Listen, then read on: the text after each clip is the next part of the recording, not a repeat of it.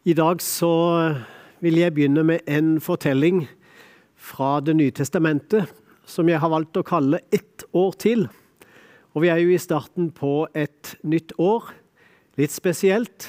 Det blir nok mer normalt etter hvert. Og samtidig en fortelling fra Det nye testamentet som setter fingeren på hva vi egentlig er skapt til.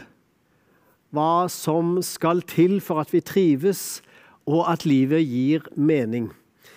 Men eh, samtidig tragedien hvis vi aldri kommer dit i livet vårt. Eh, la oss se på teksten fra Lukas kapittel 13. Så fortalte han denne lignelsen, og den lignelse som Jesus forteller. En mann hadde et fikentre som var plantet i vingården hans. Han kom for å se etter frukt på det, men fant ingen. Da sa han til gartneren, nå er det tredje året jeg kommer og leter etter frukt på dette fikentreet uten å finne noe. Hugg det ned. Hvorfor skal det stå der og suge ut jorden? sier Herren. Men gartneren eh, svarte, Herre, la det stå dette året også. Så skal jeg grave omkring det og gjødsle det. Kanskje det da vil bære neste gang. Hvis ikke får du hogge ned. En direkte, en praktisk og kanskje en tøff historie som kan gi noen tanker om at eh, er det virkelig så hardt i livet? Er Gud virkelig en slik herre? Blir vi aldri gode nok? Og samtidig så er det en spennende samtale mellom en som eier en vingård, har fikentreer blant eh, vintrærne, og som har en samtale med gartneren som har det daglige tilsynet, som følger opp det som skjer i vingården. Vi skal prøve å gå litt dypere i den teksten, men først en eh, personlig historie. Fra vår tid i Afrika så hadde vi mange mangotrær på eiendommen der vi bodde. Det var ingen stor eiendom, men det var en, eh, et lite felt. og ett av mangotrærne det var sånne flotte, foredla mangoer som var saftig fruktkjøtt i mangoene. Vanligvis så bar det det, i alle fall. Men så hadde det seg sånn at dette treet hadde aldri båret frukt så lenge vi bodde der. Og jeg tenkte på det år etter år at det, var det noe vits i å ha det der i det hele tatt? Det tok bare plass. Det tok eh, eh, skygge osv. Og, så og kanskje vi heller skulle plante et annet tre som ga både mer frukt og mer skygge osv.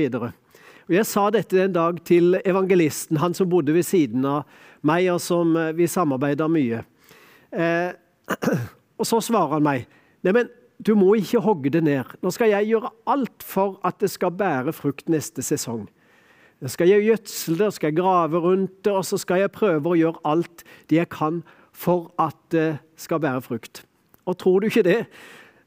Neste sesong kom. Det var to mangosesonger i året. Neste sesong kom, og det bar frukt for første gang. Store, fine frukter som eh, på dette bildet her.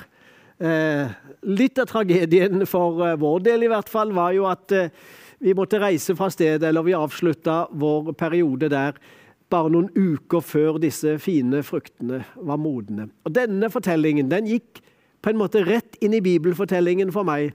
Det var en helt praktisk og parallell sak. Eh, en eh, ting som kunne forstås på det praktiske området. Jeg vet ikke hva evangelisten gjorde egentlig, og hva han eh, gjorde som skapte mulighet for ny frukt. Men i hvert fall, det kom. Fortellingen fra Det nye testamentet det er en fortelling som sier noe om at vi får et år til. Vi får et nytt år. Vi får nye muligheter. Det er et uttrykk for Guds tålmodighet, det er et uttrykk for Guds nåde osv. Det er det denne fortellingen tror jeg minner oss på og viser oss en vei til. Tålmodighet. Gud ønsker å gi oss nye sjanser. Det er virkelig et nytt år med nytt håp. Gud er en som tilgir, f.eks. Han tilgir igjen og igjen og igjen. når vi kommer til Han. Det er ikke sånn at han stopper oss tredje gang liksom og sier at 'nå holder det'. 'Nå har jeg vært tålmodig nok. Nå har jeg gått lang nok vei med deg'. Nei, han gir oss ett år til. En ny sjanse til. Igjen og igjen. Hans tålmodighet med oss er rett og slett stor. Gjennom eh, vår salme- og sangskatt og lovsanger og videre, så kommer dette ofte fram opp igjennom det som har vært skrevet og sunget. I Bibelen så har vi massevis av bibelord som understreker akkurat dette. Med Guds tålmodighet, Guds langmodighet, Hans nåde som er ny hver dag, der det fins ny tilgivelse å få. En av disiplene til Jesus, Peter, han eh, var i samtale med Jesus en dag, og Jesus hadde snakka om det med å tilgi andre. Og eh, Peter eh, spurte Jesus om mange ganger skal vi egentlig tilgi. Og så snakka han om mange ganger skal jeg tilgi min bror. Liksom Han tenkte to og tre ganger, så tok han hardt i og sa skal jeg tilgi sju ganger. Holder det? Og Da rister Jesus på hodet og så sier han sju ganger. Nei. Du kan gange sju med 70, Peter. Og allikevel liksom, så kommer du aldri opp i det antallet eller i den muligheten Gud gir oss. Gud gir oss uante muligheter. og Jeg tror ikke Peter kunne gangen eh, sånn i hodet med en gang og fant det der tallet sånn uten videre. Han skjønte bare at oi, her står jeg foran en uendelig stor nåde og mulighet og et nytt håp. Og Derfor er Peter en av de som skriver i Det nye testamentet, og han skriver mye om håp. Han skriver mye om nye muligheter. Han skriver mye om framtid. Gud vil gi oss næring, god næring, til et godt liv. Han vil gi oss tilgang til et liv som eh, er utover egentlig det naturlige. Se på dette skriftordet fra Det gamle testamentet. Jeg øser vann over det tørste og bekker over det tørre. Jeg øser min ånd over din ett og min velsignelse over dine etterkommere. De skal spire fram som siv i vann, som popler ved bekkefar. Og Når eh, han som skriver sier 'som', så vil det si at de står ikke ved bekkefar. De står ikke ved den helt sånn praktisk naturlige kilde. De står i Guds kilder. De står i hans nærhet og i hans næring. Da skal det spire fram sånn som naturen spirer helt naturlig fram hvis de står nær vann og nær god næring. De gir håp og velsignelse også for våre etterkommere. De som kommer etter oss, de som eh, skal ta over for oss en dag på alle måter, nye generasjoner, så har Gud noen gode løfter å gi når Gud får slippe til. Vi har fått ett liv. Det er det vi har fått, og det er det vi har å forvalte. Det er de mulighetene vi er gitt. Vi har fått dette livet for å gjøre våre valg i. Og så er det opp til oss hva vi vil gjøre med det. Og kanskje vi har en drøm om hvordan det kunne være, eller Og så ser vi på realiteten sånn som på dette bildet, med litt sånn et pistrete eh, tre med litt blader på, men også noen tomme greiner og slett ikke noe frukt i vente. Men vi har en drøm som tilsier kanskje noe sånn at det skal blomstre skikkelig en dag. Det skal henge fullt av blomster, og så kommer frukten etter hvert. Sånn er drømmen kanskje for ditt og mitt liv.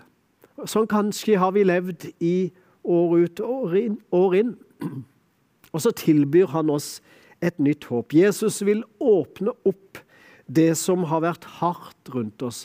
Og Det er her vi kanskje kommer inn på historiens viktigste punkt. Hva var det som gartneren skulle? Han skulle grave rundt det.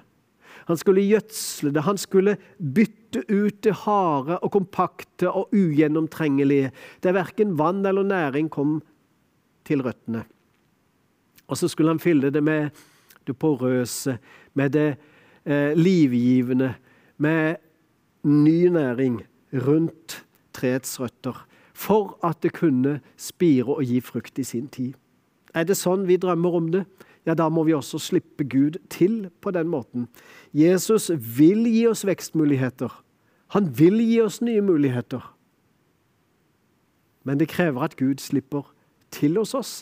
Hvis vi samtidig holder Gud og hans muligheter og hans tilbud på avstand, viser fra oss hans nåde og tilgivelse, ja, så står vi kanskje igjen med et ufruktbart tre som aldri gir frukt, som aldri blomstrer, og som ikke har livets framtid i seg.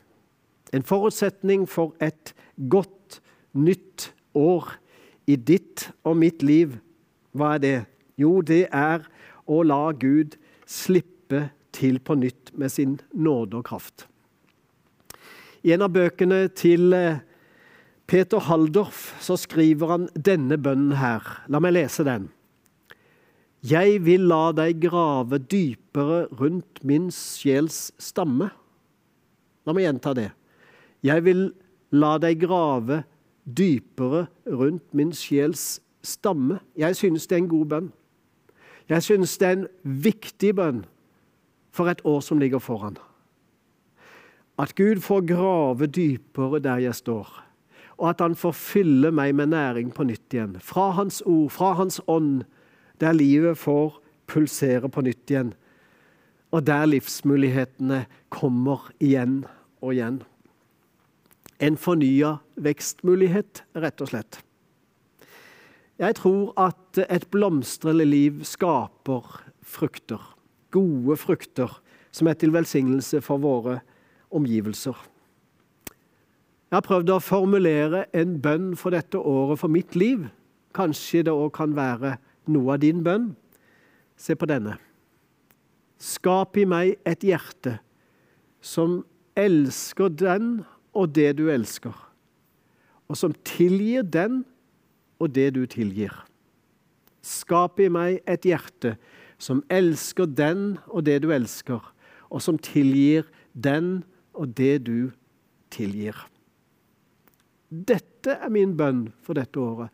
At jeg må komme inn og leve sentralt i den visjonen dette året.